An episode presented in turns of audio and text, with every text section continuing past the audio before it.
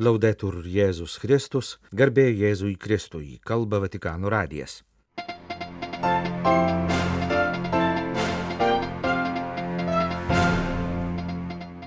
Popiežiaus namų pamokslininko adventinė meditacija. Marija mūsų tikėjimo motina. Ketvirtadienio pavakarę popiežius aplankė Romos periferijos parapiją. Popiežiaus užuojauta dėl tragiškų įvykių Prahoje Savo išmaldininką popiežius siunčia su misija į Šventąją Žemę. Prasidedant žiemai, katalikiškos šalpos organizacijos intensyvina veiklą Ukrainoje. Penktadienio gruodžio 22 rytą popiežius Pranciškus ir Romos kurijos vadovai klausėsi antrosios ir per šį adventą paskutinės popiežiaus namų pamokslininko kardinolo Raniero kantalamese meditacijos.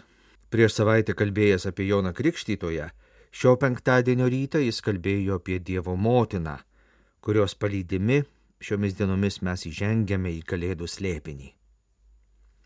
Pamokslininkas atkreipė dėmesį, kad Vatikano antrasis susirinkimas, tarp daugybės kitų dalykų, atnaujino ir mariologiją.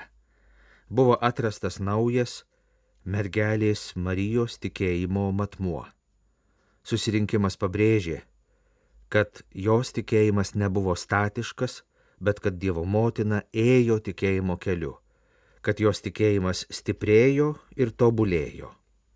Šį teiginį dar aiškiau išdėstė popiežius Jonas Paulius II enciklikoje Redemptoris Mater. Pasak jo, Elsbietos žodžiai palaimintai tikėjusi taikomi ne tik konkrečiam apreiškimo momentui, Be abejo, tas momentas, kai švenčiausiai mergeliai Marijai buvo pranešta, kad ji tapsianti išganytojo motina, buvo kulminacinis jos tikėjimo momentas. Tačiau jis taip pat buvo atskaitos taškas, nuo kurio prasidėjo visa jos tikėjimo kelionė. Kardinolas sakė, kad kalbėdami apie Dievo motinos tikėjimą, turime atsiminti ne tik apreiškimą ir Jėzaus gimimą, bet ir tą akimirką, kai Marija su Juozapu paukojo kūdikį šventykloje, taip pat visą tylų savo sūnaus palydėjimą per jo viešąją veiklą ir galiausiai tą momentą, kai jai teko stovėti po sūnaus kryžiumi ir laukti jo prisikėlimo. Visi sūnaus gyvenimo pakilimai ir nesėkmės, visi nesusipratimai ir sunkumai giliai paveikė motinos širdį. Tačiau pats sunkiausias momentas buvo sūnaus mirtis. Ji, bejėgė savo sunaus kankinystės liudininkė, nemaištavo, sutiko mylėti. Ta dramatiška valanda buvo tarsi Abraomo dramos pakartojimas. Tačiau Abraomo atveju Dievas paskutinę akimirką viską sustabdė, o jos atveju ne. Ji sutiko, kad sūnus būtų paukotas. Atidavė jį tėvui skausmo prislėgta, bet nepalaužiamo tikėjimo kupina širdimi.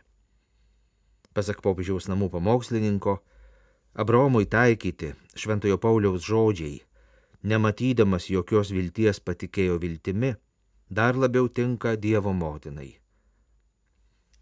Perfrazuodami tuos žodžius, galime sakyti, kad dėl savo tikėjimo ji tapo motina daugeliui.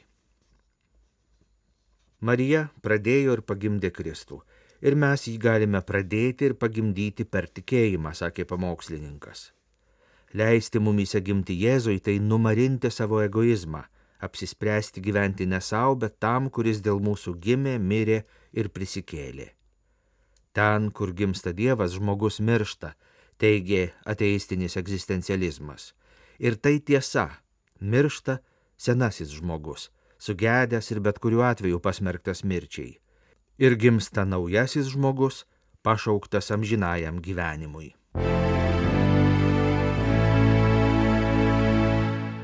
Ketvirtadienį gruodžio 21 dieną po piet popiežius Pranciškus aplankė šalia Romos esančio Ačylyje miestelio Šventojo Jurgio parapiją ir dalyvavo jos teritorijoje veikiančiame Šventosios Džanos Beretamolle pastoracinėme centre vykusiame kunigų susitikime.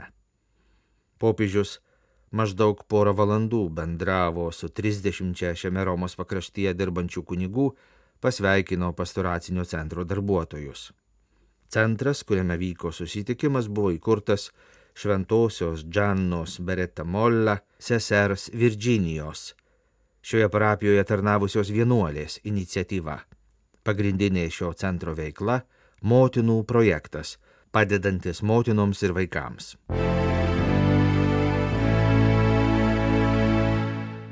Popiežius Pranciškus informuotas apie tragiškus įvykius Prahoje, gedi ir reiškia savo artumą žuvusiųjų artimiesiems, rašoma jo vardu į Čekiją pasiustoje užuojautos telegramoje. Ketvirtadienio popietę Prahoje per ginkluotą išpolį Karolio universitete buvo nušauta 15 žmonių ir daugiau kaip 20 sužeista. Užpoliką, kaip paaiškėjo to paties universiteto studentą, nukovė policija. Valstybės sekretoriaus kardinolo Pietro Parolino popiežiaus vardu į Prahą pasiūstoje telegramoje rašoma, kad su giliu liūdėsiu sužinojęs apie žuvusiuosius ir sužeistuosius Prahos Karolio universitete, popiežius reiškia savo dvasinį artumą visiems nukentėjusiems nuo šios tragedijos. Pavesdamas žuvusiuosius visagalio Dievo gailestingumui, popiežius jį meldžia suteikti stiprybės ir paguodos gedinčioms šeimoms bei žuvusiųjų draugams. Jis taip pat meldžiasi už visus šio įvykio sukrėstus Čekijos žmonės.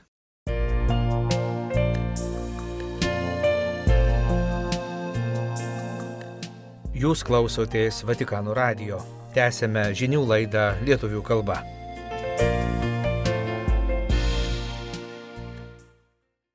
Popiežius Pranciškus pasiuntė į Šventąją Žemę kardinolą Konradą Krajevskį, kad per Kalėdas paliudytų popiežiaus atjautą visiems dėl karo kenčiantiems žmonėms. Popiežius kasdien meldžiasi už pasaulio, kenčiančio nuo dalimis vykstančio trečiojo pasaulinio karo taiką, garsiai prašydamas, kad liautųsi visi žemę kraujų laistantys karai Ukrainoje, Sirijoje, kai kuriuose Afrikos žemynų kraštuose, o dabar ir Palestinoje ir Izraelyje, pažymėjo komunikate, gailestingosios meilės tarnystės dikasterija, informuodama apie popiežiaus kardinolui Krajevskiui pavestą misiją šventojoje žemėje būti konkrečiu jo atjautos ženklu. 60 metų amžiaus kardinolas Konradas Krajevskis nuo 2013 metų yra popiežiaus išmaldininkas ir po 2022 metų kūrijos reformos trečios svarbiausios šventojo sosto dikasterijos, gailestingosios meilės tarnystės dikasterijos prefektas. Nuo Rusijos agresijos karo prieš Ukrainą pradžios 2022 metais kardinolas Krajevskis Ukrainoje įvykdė šešias popiežiaus pranciškaus humanitarinės misijas. Kelis kartus asmeniškai nugabeno į Ukrainą popiežiaus padovanotas greitosios pagalbos priemonės, ir įvairios rūšies humanitarinę pagalbą per katalikų bažnyčios karitas centrus Ukrainoje paskirstyta nuo karo kenčiantiems, vargstantiems ir stokojantiems Ukrainos žmonėms. Kardinolas išmaldininkas dažnai vežioja popiežiaus labdarą vargstantiems Romos metropolijoje ir už jos ribų. Nekartą aplankė Italijoje išsilaipinusius viduržėmio jūroje išgelbėtus migrantus iš Afrikos Dabar, kaip informavo dikasterija, jos prefektas išvyko į Šventąją Žemę su popiežiaus atjautos misija. Lankydamasis įvairiose nuo karo kenčiančiose vietovėse, kardinolas per Jėzaus taikos kunigaikščio ir vienintelės pasaulio vilties gimimo iškilmės melsis už taiką su Jeruzalės lotynų patriarchu kardinolu Pier Batista Pizzaballa ir jo vadovaujamos bažnyčios šventojoje žemėje tikinčiaisiais, dvasininkais ir pasauliečiais. Dikasterija komunikate nurodė, kad popiežius Pranciškus prašo visų tikinčiųjų malda lydėti kardinolo Konrado Krajevskio misiją, kad atneštų taikos malonę artimųjų rytų teritorijose, kuriuose tebegaudžia ginklai popiežiaus išmaldininkas pakvietė viso pasaulio katalikus, kad jo kelionę į šventąją žemę lydėtų malda, kurią popiežius perskaitė 2014 metais per susitikimą Vatikane su Izraelio prezidentu Šimonu Peresu ir Palestinos prezidentu Mahmudu Abasu. Ceremonijoje Vatikanų soduose abu prezidentai su popiežiumi Pranciškumi ir visuotiniu patriarchu Baltramiejumi pasodino taiką simbolizuojantį alyvmedį. Pasak kardinolo Krajevskio, ši popiežiaus malda tebėra labai aktuali. Viešpatie, taikos Dieve, išgirski mūsų maldavimą Daug kartų ir tiek metų bandėme spręsti mūsų konfliktus savo jėgomis ir savo ginklais, kiek daug priešiškumo ir tamsos akimirkų, kiek daug pralieto kraujo, kiek daug pražudytų gyvybių, kiek palaidotų vilčių. Mūsų pastangos buvo bevaisės. Dabar tu viešpatie mums padėk, suteik mums savo ramybę, išmokyk mus savo taikos, vesk mus į taiką Abraomo ir pranašų Dieve, meilės Dieve, kuris mus sukūrė ir pakvietė įgyventi kaip broliai, suteik mums jėgų būti taikdariais kiekvieną dieną. Iš visų žmonių širdžių tebūnė pašalinti šie žodžiai - susiskaldimas, neapykanta, karas. Viešpatie nuginkluok mūsų liežuvius ir rankas, atnaujink širdis ir protus, kad visada skambėtų mus suartinantis žodis brolis ir kad šalom, taika, salam taptų mūsų gyvenimo stiliumi.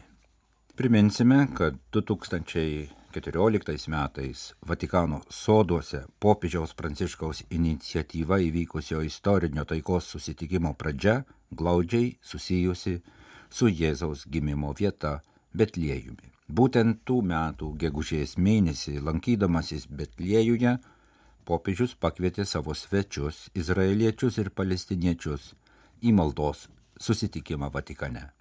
Susitikimas 2014 m. birželio 8 d. Vatikano soduose įvyko per tų metų sėkmines. Reikšmingas buvo ne tik Izraelio ir Palestinos prezidentų, bet ir juos lydėjusių delegacijų iš Šventosios žemės dalyvavimas prezidentų delegacijas sudarė jų kraštų religijų atstovai - judėjai, musulmonai, drūzai ir krikščionys, tiek ortodoksai, katalikai, tiek evangelikai, taip pat valdžios atstovai. Susitikime po atvirų dangumi pievoje netoli Šventojo Petro bazilikos buvo skaitomos ir gėdamos žydų, krikščionių ir musulmonų psalmės maldos bei meditacijos klausomas iš šių tradicijų religinės muzikos kūrinių.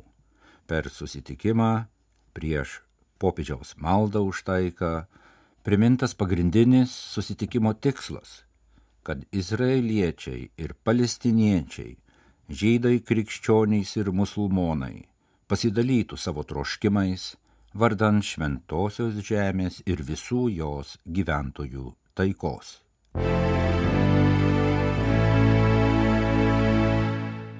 Ukrainos gyventojai rengėsi antrai karo žiemai. Ir toliau išlieka grėsmė, kad bus nutrauktas elektros tiekimas ir šildymas. Perkeltieji žmonės neturi jokios perspektyvos grįžti namo. Jiems tenka iš naujo atrasti savo gyvenimą. Žiema ima gaupti Bruchovičių basilionų vienuolyną, esantį maždaug už dešimties kilometrų į šiaurės vakarus nuo Lvivo centro. Po įtempto laikotarpio karo pradžioje graikų katalikų vienolyjos bažnyčia, vienolynas ir seminarija atgavo ramybę. Karo pradžioje šie dideli balti pastatai miško pakraštyje priimdavo iki 140 perkeltųjų asmenų. Šiandien jų yra tik apie 60. Kiti išvyko į užsienį arba rado prieglopstį apylinkėse. Andri yra vienas iš tų, kurie liko. Kilęs iš Donetsko, jis buvo priverstas palikti regioną, kai 2014 metais prasidėjo karas. Po Rusijos invazijos 22 metų vasarį jis vėl pabėgo, šį kartą su žmona Tatjana ir dukra patraukė šalies vakarus. Dukra vėliau išvyko į Airiją, retkarčiais grįždama į šalį aplankyti savo tėvų. Andrijui išsiskirimo skausmas vis dar didelis, tačiau susiradęs darbą geležinkelių bendrovėje, jis bent jau turi stogą virš galvos ir gali tikėtis vietinių žmonių solidarumo. Jie su mumis elgesi gerai, droviai sako vyras. Pamatėme, kad žmonės čia kitokie, kad atmosfera neturi nieko bendra su rytiniu regionu. Kita gyventoja Darija, mažos mergaitės mama, atvyko iš Zaporyžios, kur vyksta inirtingi mūšiai. Išvykimo prisiminimas iki šiol suspaudžia ją į širdį. Kai išvykome su dukra, labai bijojome, nežinojome, kur atsidursime ar Ukrainoje, ar užsienyje, drebančių balsų pasakoja Darija.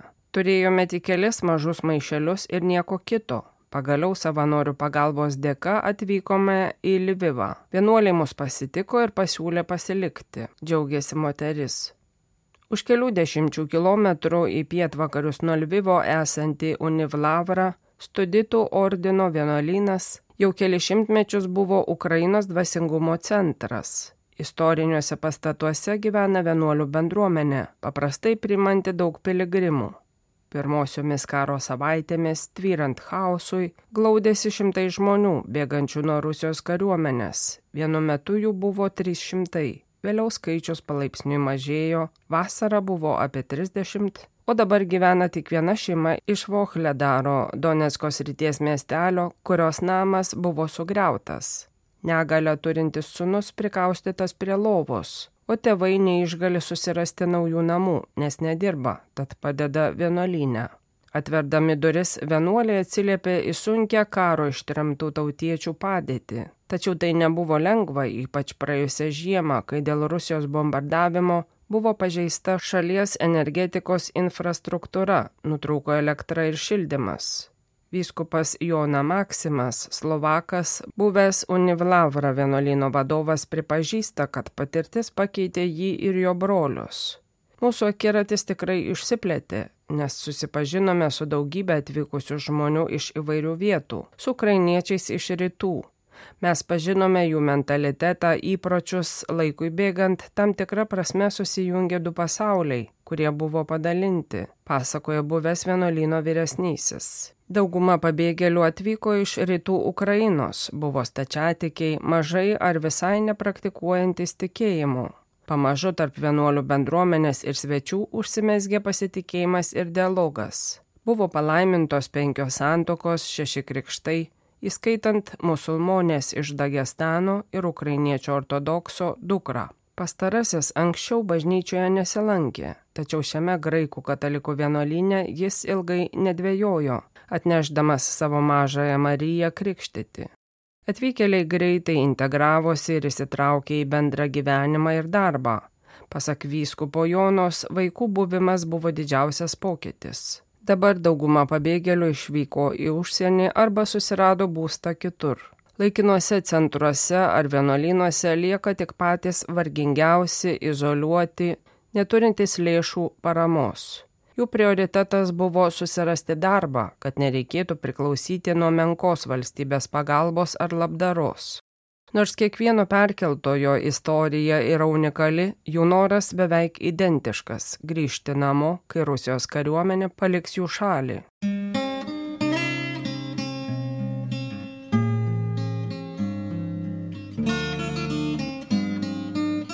Kalba Vatikanų radijas. Laidą lietuvių kalba baigėme. Garbėjai Jėzui Kristui, laudetur Jėzus Kristus.